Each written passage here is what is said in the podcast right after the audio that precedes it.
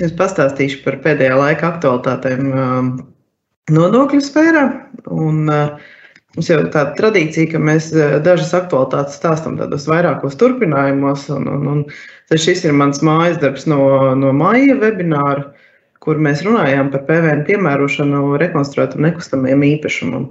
Un proti atgādināšu to situāciju. Tātad mums ir situācija sekojoša. Ir liela lietota daudz dzīvokļu māja, šajā mājā tiek veikta rekonstrukcija atsevišķām lietām, piemēram, samainīts jumts, um, remontēta ēkas fasāde, vai notiek lifta izbūve, vai varbūt kaut kas uh, tiek uzlabots bēniņos, vai, vai kāpņu telpā, vai, vai pagrabtelpās. Un, uh, protams, šo darbu veikšanai ir nepieciešama būvatļauja, un tas tiek arī atbilstoši darīts. Bet, piemēram, dzīvokļos šajā pašā mājā vai nu remonta darbi vispār netiek veikti, vai arī tiek veikta šo dzīvokļu vienkāršot renovāciju. Un uh, tad nu, lielais jautājums bija, kā šādu dzīvokļu pārdošanai pareizi būtu jāpiemēro PVN. Un, uh, pa šo laiku mēs esam uh, sazinājušies gan ar vidu, gan ar finanšu ministriju. Un, un, un šī situācija tagad ir noskaidrojusies. Un abas iestādes ir viensprāts, ka, ka šī dzīvokļa īpašumā ietilpst arī šī kopīpašuma domājamā daļa no jumtiem un, un, un pagrabtelpām un tam līdzīgi un tiesiski to no tā dzīvokļa īpašuma atdalīt nevar. Līdz ar to, tādā brīdī, kad mēs pārdodam dzīvokli, mēs pārdodam arī kādu daļu no šī rekonstruētās īpašuma daļas. Un, uh, tad tālāk Finanšu ministrija ir skaidrojusi, ka PVN piemērošanas loģiskais pamats ir šī saimnieciskā darbība, ar kuru tiek radīta pievienotā vērtība, veicot būvdarbus. Un uh, šajā situācijā tā tad sanāk, kad ēkai tiek veikta pārbūve, ēka tiek uzlabota, Un arī dzīvokļiem šī, šie uzlabojumi ir radījuši pievienoto vērtību un palielinājuši šo dzīvokļu cenu. Un, tad nu, šis sausais atlikums no, šī, no, no, no visām apspriedēm ir bijis tāds, ka, jā, ja ēkas kopīpašuma daļā tiek veikta rekonstrukcija, kaut arī dzīvokļi netiek rekonstruēti, tad arī šo dzīvokļu īpašumu pārdošanai ir jāpiemēro PVN. Protams, tad viņas uzskata par nelietotiem nekustamiem īpašumiem, un atbilstoši par nelietotiem mēs uzskatām šos apakšā divu, divu punktiņu. Ja tiek pārdots, ja tiek pārdots dzīvokļu īpašums, kuru pēc nodošanas eksploatācijā neizmanto, vai arī ja pēc nodošanas eksploatācijā šo dzīvokļu īpašumu izmanto un pārdot pirmo reizi gada laikā. Vienīgā, vienīgā vieta, kur vidam un finanšu ministrija ir bijušas atšķirīgas domas, ir bijušas par to, kā noteikt apliekamo vērtību. Tātad rekonstrukcijas gadījumā vispārīgi mums PVN likums pasaka, ka apliekamā vērtība ir starpības starp īpašumu pārdošanas cenu un īpašuma vērtību dienā pirms rekonstrukcijas uzsākšanas neprecizējot, kas tad ir šī, šī vērtība pirms rekonstrukcijas uzsākšanas, vai tā ir vērtējuma, vai, vai kāda cita, vai varbūt bilances vērtība, vai, vai kadastrālā vērtība. Un uh, ieņēmuma dienests ir paudzes uzskata, ka tai ir jābūt bilances vērtībai, ko mēs ņemam aprēķinu pamatā. Uh, Tomēr Finanšu ministrija, zinot šo vidu nostāju, komentēja, ka tomēr nosakot šo vērtību pirms rekonstrukcijas būtu jāvadās pēc objektīviem kritērijiem, nu, lai, lai galu galā panāktu to taisnīgāko PVN piemērošanas rezultātu. Uh, nu, no tā mēs tad, uh, izdarām secinājumus, ka Nu jā, tātad pirmkārt, ja mums ir situācija, ka mēs pārdodam īpašumu dzīvokli kādā ēkā, kur ir notikuši rekonstrukcijas darbi, uh, ir noteikti jāpārbauda, kas tur ir noticis, un vai gadījumā šis dzīvoklis nav jāapliek ar PVN. Tātad, un, un, un, tad, un tie praktiskie ieteikumi šajās situācijās ir plānojot rekonstrukciju, vienmēr dokumentēt šī īpašuma vērtību pirms rekonstrukcijas, jo vienmēr pastāv iespēja, ka pēc trim gadiem atnāks ieņēmuma dienas, pat varbūt pat ne pēc trim gadiem. Jums varbūt trīs gadus ies rekonstrukcija, un vēl pēc trim gadiem atnāks ieņēmuma dienas skatot kādu pārdotu dzīvokli un teiks, ka jūs nepareizi esat piemērojuši šo PVN un nepareizai vērtībai, un tad jums vienmēr ir ļoti ērti, ja par rokai ir šāds novērtējums vai, vai, vai kāds cits dokuments, kas apstiprina šo, kā jūs esat noteikuši īpašumu vērtību pirms rekonstrukcijas. Un, Tad mēs arī esam iedomājušies par tādu situāciju, ka nu, dažkārt varbūt, uh, mums pieder ne tikai ne, ne, nevis liela māja, kurā mēs visu zinām, kas notiek, bet varbūt viens dzīvoklis kaut kādā lielā mājā, kur mēs tā īstenībā ne, neesam droši, vai ka, kas tur vispār, kas tur par rekonstrukcijām vai, vai remontiem ir.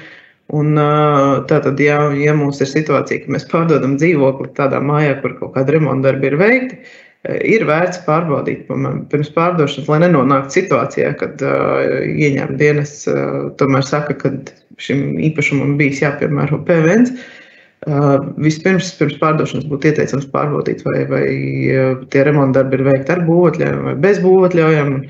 Un, un, un, kādiem darbiem šīs būvotļaujas ir saņemtas. Tas arī ļaus saprast, turbūt tās PVN sekas. Nu, un, un, un, protams, tad vēlreiz atgādināšu, ka šis attiecas tikai uz tādu īpašumu, kas kvalificējas kā nelietots nekustamais īpašums. Tātad atpakaļ šajā slaidā mēs redzam apakšā šie divi punktiņi. Tātad tie ir tie divi gadījumi, kad dzīvoklis nav izmantots, vai ja viņš ir izmantots un pēc, pēc nodošanas eksploatācijā gada laikā viņš tiek pirmo reizi pārdots. Tad, tātad otrais jaunums, ko mēs gribējām pastāstīt, ir interesants Eiropas Savienības tiesas spriedums, pieņemts samērā nesen, oktobra sākumā. Un, tā ir tāda lieta, ar ko mēs saskaramies samērā reti, bet tomēr reizēm redzam, nu, biežāk gan tad, kad tiek pirkt un pārdot uzņēmumu, bet arī lielāku nekustamo īpašumu pārdošanas situācijās tas ir iespējams. Tātad par PVN piemērošanu starpniecības pakalpojumiem. Šie lietas apstākļi bija sekojoši, ka 2012. gadā kāds starpnieks X sniedza pakalpojumu uzņēmumu T. Ar šo, respektīvi, starpnieks nu, sniedza savu palīdzību pārdot nekustamo īpašumu. Un šis pārdošanas darījums veiksmīgi notika. Pēc tam puses vienojās jau pēc šī darījuma, kad, kad par, par šo palīdzību starpniekam pienāks honorārs 1 miljons eiro. Un šis līgums tika noslēgts jau tad, kad jau starpnieks savus pakalpojumus jau bija izpildījis, un, un, un puses pielīgi, kad šo 1 miljonu eiro te izmaksās X piecos ikgadējos maksājumus katru gadu maksājot 200 tūkstošus eiro. Un saprotams, ka X par šiem pakalpojumiem nodokli maksāja katru, par katru maksājumu atsevišķi, tātad no 200 tūkstošiem eiro katru gadu. Bet Vācijas nodokļu administrācija uzskatīja, ka šis pakalpojums ir sniegts jau 12. gadā, un patiesībā par visu miljonu PVN bija jānomaksā jau, jau tādā. Un, uh, un, un, un tāds, tā arī radās šis strīds starp, uh, starp ieņēmumu dienestu Vācijas un, un, un starpnieku. Un gal galā pēc kaut kādām jau vairākām tiesu instancēm Vācijā šis uh, strīds nonāca Eiropas Savienības tiesā. Un Eiropas Savienības tiesai tika uzdot jautājumu par atsevišķu direktīvas normu interpretēšanu, Proti, vai šādu starpniecības maksājumu, kas ir nu, sadalīta maksājumu pa gadiem, varētu uzskatīt par tādu pakalpojumu, kas rada uh, turpmākus rēķinus, uh, vai arī PVN maksājumā PVN bāzes korģēšanu. Proti, par tiem turpmākajiem rēķiniem domāts nu, kaut kas līdzīgs, kā, kā mēs izstādām rēķinus par, par telpu nomām. Ja, mums ir pakalpojums, bet mēs viņu izstādām reizi mēnesī vai kādu abonēšanu. Un savukārt par maksājuma PVN korģēšanu ir domāts tas, ka mēs vienkārši šim darījumam samazinām apliekamo bāzi. Nu, nu, tā, tās tādas tehniskas iespējas, kā to varētu panākt, lai, lai tomēr šis maksājums būtu no 200, eiro, 200 tūkstošiem eiro katru gadu, nevis no miljonu uzreiz. Eiropas Savienības tiesas spriedums bija strikts. Eiropas Savienības tiesa nosprieda, ka viennozīmīgi šis pakalpojums ir vienreizējs, tas ir sniegts 12. gadā, Un, un nodoklis par to ir maksājams tieši tad, kad tas ir sniegts, neatkarīgi no tā, ka tiek veikts maksājums. Un šāda vienošanās par to, ka maksājums tiek veikts pa daļām, nekad nevar būt pamats nodokļu bāzes samazinājumam. Kā arī tas nevar, ne, neļauj atlikt PVN deklarēšanas un budžetā maksāšanas brīdi. Uh, nu, no šīs sprieduma mums ir tie, tie secinājumi, ko mēs var, gribējām vērst arī jūsu uzmanību. Ja jūs nonākat šādos darījumos ar, ar starpnieku iesaisti, tad uh, pirmkārt jau jāatcerās, ja, ja šī starpniecība ir saistīta ar konkrētu nekustamā īpašumu, kas ir Latvijā, uh, pārdošanu, tad uh, šim darījumam vienmēr jāpiemēro vietējais PVN. Otrkārt, uh, tātad šis. Šis PVN par starpniecības darījumu būs jāmaksā uzreiz, tādā laikā, kad šis pakalpojums ir sniegts, kad ir pabeigts pakalpojums. Neatkarīgi no tā, kā tiek uh, sastādīts šis, šis maksājuma grafiks. Nu, protams, izņemot avansus, jo tad viņš jāmaksā vēl ātrāk.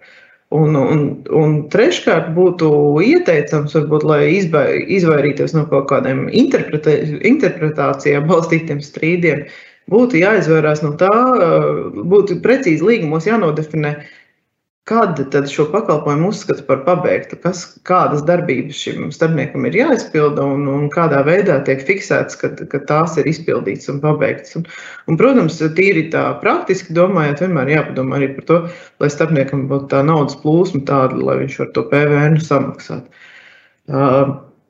Tā, tas man ir otrais jaunums. Trešais jaunums ir, nu, šobrīd es gribēju padalīties ar to, kas notiek ieņēmuma dienestā. Un šobrīd ieņem dienas strādā pie jā, pavisam jauna veida, kā varētu īstenot nodokļu kontroli attiecībā uz algas nodokļiem. Un šo īs, īsumā to varētu nosaukt par rēķinu par nenomaksātiem algas nodokļiem. Kā jau jūs esat pieraduši, visos mūsu ziņojumos ir viena lapa, kur ir rakstīts svarīga piezīme, un angļuiski to saucam par disclaimer. Un tad es gribētu arī šeit vērst uzmanību, ka šī pieeja pašlaik tiek izskatīta tikai kā iespēja, un pašlaik vispār tiek vērtēts, vai tā būtu dzīvotspējīga, vai, vai uzņēmēji to atbalstītu, vai tā ir efektīva. Tātad šobrīd vēl, ne, lai to ieviestu, būtu nepieciešama normatīva aktu grozījuma, un šobrīd vēl šādi, šādas redakcijas vēl netiek gatavotas, un arī nekādas citas ieviešanas darbības vēl nenotiek. Pašlaik tiek vērtēta tikai koncepcija. Un vienlaikus vērtējot šo koncepciju, tiek arī diskutēts ar nozaru pārstāvjiem un uzņēmēju organizācijām. Vērtēts viņu viedoklis, ļoti augstu tiek vērtēta arī iesaistē, tīri praktiski mē, izmēģinot šo, šos kontrolas paņēmienus. Un tad īsumā, tagad pēc svarīgas piezīmes, izklāst, gribēju jums izstāstīt. Tātad, Nozares, kurās tiek plānots šis nodokļu rēķins par nesamaksātiem algas nodokļiem, ir būvniecība, apsardze, ēdināšana, un viesmīlība un uzkopšana. Pamatā tas ir saistīts ar to, ka šīs ir tādas darba spēka intensīvās nozares, kur pietiekami daudz tiek nodarbināts arī zemu kvalificēts personāls, kas tipiski ir sociāli neaizsargāts. Ļoti tipiska slimība šīm nozarēm ir bijusi vēsturiski aploksņa algu maksāšana. Un, protams, vēl tipiskāks ir konkurences izkropļojums, kas ir būtiski ietekmējis nozares teiksim, lielāko, redzamāko un godīgāko pārstāvju iespējas iegūt publiskos iepirkumus vai, vai vinēt jebkuros citos konkursos. Un līdz ar to paši uzņēmēji vērsušies pie ieņēmuma dienesta ar lūgumu beidzot kaut ko darīt tirgus sakārtošanas labā. Un pēc ilgākām pārdomām un plašākām pārunām ieņēmuma dienests ir nācis klajā ar šādu uh, ideju. Uh, tātad, uh, Tas, ko ieņem dienas, vienmēr pēc saviem datiem jau redz, vienmēr, kad teiksim, šie algas nodokļi tiek maksāti nepilnīgi. To ieņem dienas, nav nekāda problēma konstatēt. Viņi redz kaut kādus vidējos nozares datus, viņi redz, kāda ir vidējā uzņēmuma alga vai vidējais nostrādātās stundas. Un diezgan skaidri, salīdzinot, piemēram, vienu un otru uzņēmumu, vienmēr var saprast, kuram uzņēmumam varētu būt kādi nedeklarēti apmēri. Tas, kas ir bijis līdz šim grūtāk, ir tas, ka ieņēmuma dienestam ir lai noteikti kādas soda sankcijas par nenomaksātiem algu nodokļiem, vienmēr ir bijis nepieciešams tomēr eh, kā ierasties šajā uzņēmumā algu izmaksas brīdī, tad brīdī, kad šīs aploksnes tiek izdalītas darbiniekiem. Jo, jo parasti nu, sūdzības par šādiem, šādiem pārkāpumiem nemaz tik bieži netiek saņemtas. Gan, gan, gan darba devēja, gan darba ņēmēji kopumā šādu kārtību vienmēr ir atbalstījuši. Līdz ar to ieņēmuma dienestam ir ļoti apgrūtinoši to efektīvi kontrolēt. No otras puses, ir zināms, ka ēna ekonomikā Latvijā tieši lielākā sastāvdaļa saistīta ar nu, nepietiekami nodeklarētiem algas nodokļiem. Nu, lūk, tad, tad, tas, ko Vits redz, ja, tad, tad, tad, ko Vits arī domā tagad ieviest, ir tas, ka šādā situācijā, ka viņi jau pēc datiem redz, ka nodokļu nomaksa ir nepilnīga, ieņēmuma dienas nosūtītu šim nepilnīgi maksāt, maksājušam uzņēmumam brīdinājumu par nenomaksāto nodokļu apmēru. Šim brīdinājumam ir pielikt, tiek pielikts klāts nodokļu aprēķins, kā tas izskatās pēc vidu datiem. Un, un šim adresātam tiek dot iespēja skaidrot šo situāciju vidam. Uh, Un, uh, un, un, un vida iecerē vēl ir arī adresātam uzlikt šo pierādīšanas pienākumu, respektīvi, ka vidam nav jāpierāda, ka adresāts ir kaut ko pārkāpis, bet adresātam jāpierāda tas, ka viņam viss ir kārtībā. Nu, lūk, un, uh, Un savukārt pēc šīs skaidrošanās tad notiek ieņēmuma dienests izvērtē, kādu informāciju sniedz šis adresāts. Un, un acīm redzot, arī konsultē vispirms viņu, un, un savukārt, ja puses nevar vienoties par to, kāds ir tas pareizais nodokļu apmērs, tad, tad ieņēmuma dienests izraksta nodokļu rēķinu šim adresātam, paredz gan, gan nesamaksāto nodokļu, gan nokavējumu naudu apmērā un uh, dod 30 dienu termiņu, lai varētu šo rēķinu samaksāt. Nu, smagākos gadījumos, protams, vienmēr paliek šis ierastais jau nodokļu audita variants. Uh, Tas, ko ieņem dienas šobrīd attiecībā uz tām situācijām, kā, kurās viņi varētu šādus rēķinus izrakstīt, ieņem dienas plāno vērtēt divus galvenos aspektus. Tātad, pirmkārt, šie, šajā uzņēmumā nu, vidējo nostrādāto stundu skaitu, un vidējo algu nu, vai stundas algas likmi. Un, un, ja tas ir mazāks par 80% no nozares, profesijas un, un, un reģiona, kā, nu, teiksim, nozares, profesijas un reģiona uzņēmēju vidējā līmeņa, tad Vits nosaka, ka šeit ir ienākuma starpība un veic algas nodokļu aprēķinu par to. Un tad seko šī pārbauda, pārbauda atbilstoši tam, kā es tikko stāstīju. Uh, pašlaik šī diskusija noteikti ar, ar uzņēmējiem vēl turpinās. Un, Un ieņemt dienas, protams, vēl nav vēl pieņēmis lēmumu, ka tiem jābūt tieši 80%, bet tas ir atkal, ļoti ieklausīsies, ko saka uzņēmēji par to. Bet jau tagad mēs redzam vairākus tādus, jau varam šo to secināt. Un pirmais ir tas, ka šie uzņēmēji, varbūt arī kāds no jums ir bijis to vidu, kopumā šo ieceri pat atbalsta, lai arī piesardzīgi un, un uzmanīgi, bet kopumā atbalsta un, un ir ļoti interesēti. Vairāk ir pat pieteikušies un lūguši vidam mēģināt šo teiksim, kontrolas mehānismu iztestēt caur saviem datiem, lai, lai varētu saprast, kā tas varētu strādāt un kā tas izskatās praksē. Otrkārt, jā, par to, vai šiem darbiniekiem būtu jāizmaksā arī šis, šī noteiktā ienākuma starpība. Par to neviens nerunā. Nocīm redzot, tāda plāna arī īpaši nav. Tas, kas ir skumji, protams, ir tas, ka mums ir pietiekami daudz vēl joprojām tādu darbinieku, kas vispār netiek nekur pieregistrēti. Jo šī metode brīnišķīgi darbojas uz, uz sistēmu, kur tas darbinieks ir kaut vai pieregistrēts, bet viņam nav nevienas darba stundas. Uh, Bet, bet tas nerisina to, ka tiek pilnīgi nelegāli nodarbināti cilvēki. Un, jo, jo tāpat kā līdz šim ieņēmuma dienas, to, to var konstatēt tikai tajā brīdī, ja viņam ienāk informācija no kādām citām iestādēm. Nu, un, jā, un, un, protams, lielais izaicinājums ir atbilstoši šo salīdzināmo datu atlasi. Ieņēmuma dienestam ir jāsaprot, teiksim, tīri šie profesiju klasifikatoros, kāda, kāda veida speciālistiem katras tās klasifikācijas tiek grupēta, lai, lai šīs vidējās algas, ko viņi salīdzina, lai tās būtu atbilstošas un pareizas. Tāpat jāņem vērā gan, gan sezonalitāte, gan uzņēmuma reģions, gan uzņēmuma lielums. Uh, dažādi citi faktori, lai šie salīdzinājumi būtu pietiekami kvalitatīvi, lai tas tiešām varētu būt pamats kaut kādai papildus nodokļu noteikšanai. Bet, nu, vienmēr sakot, šobrīd ir tā, ka ieņēmuma dienests ir šo nodemonstrējis vairākām, vairākām organ, vairāk nozaru dalībniekiem un, un gaida atsauksmes par to. Tā kā, ja jums ir vēlme iesaistīties šajā diskusijā ar vidu, es domāju, ka mēs varam palīdzēt jūs savest kopā un iesaistīt uh, arī šajā testēšanā, vai, vai varbūt risināt kādus citus jautājumus, kas jums liekas aktuāli. Un ceturtais, pavisam īsais jaunums ir tas, ka nu, pat mums ir pieņemti grozījumi PVN likumā kopā ar visu budžeta paku.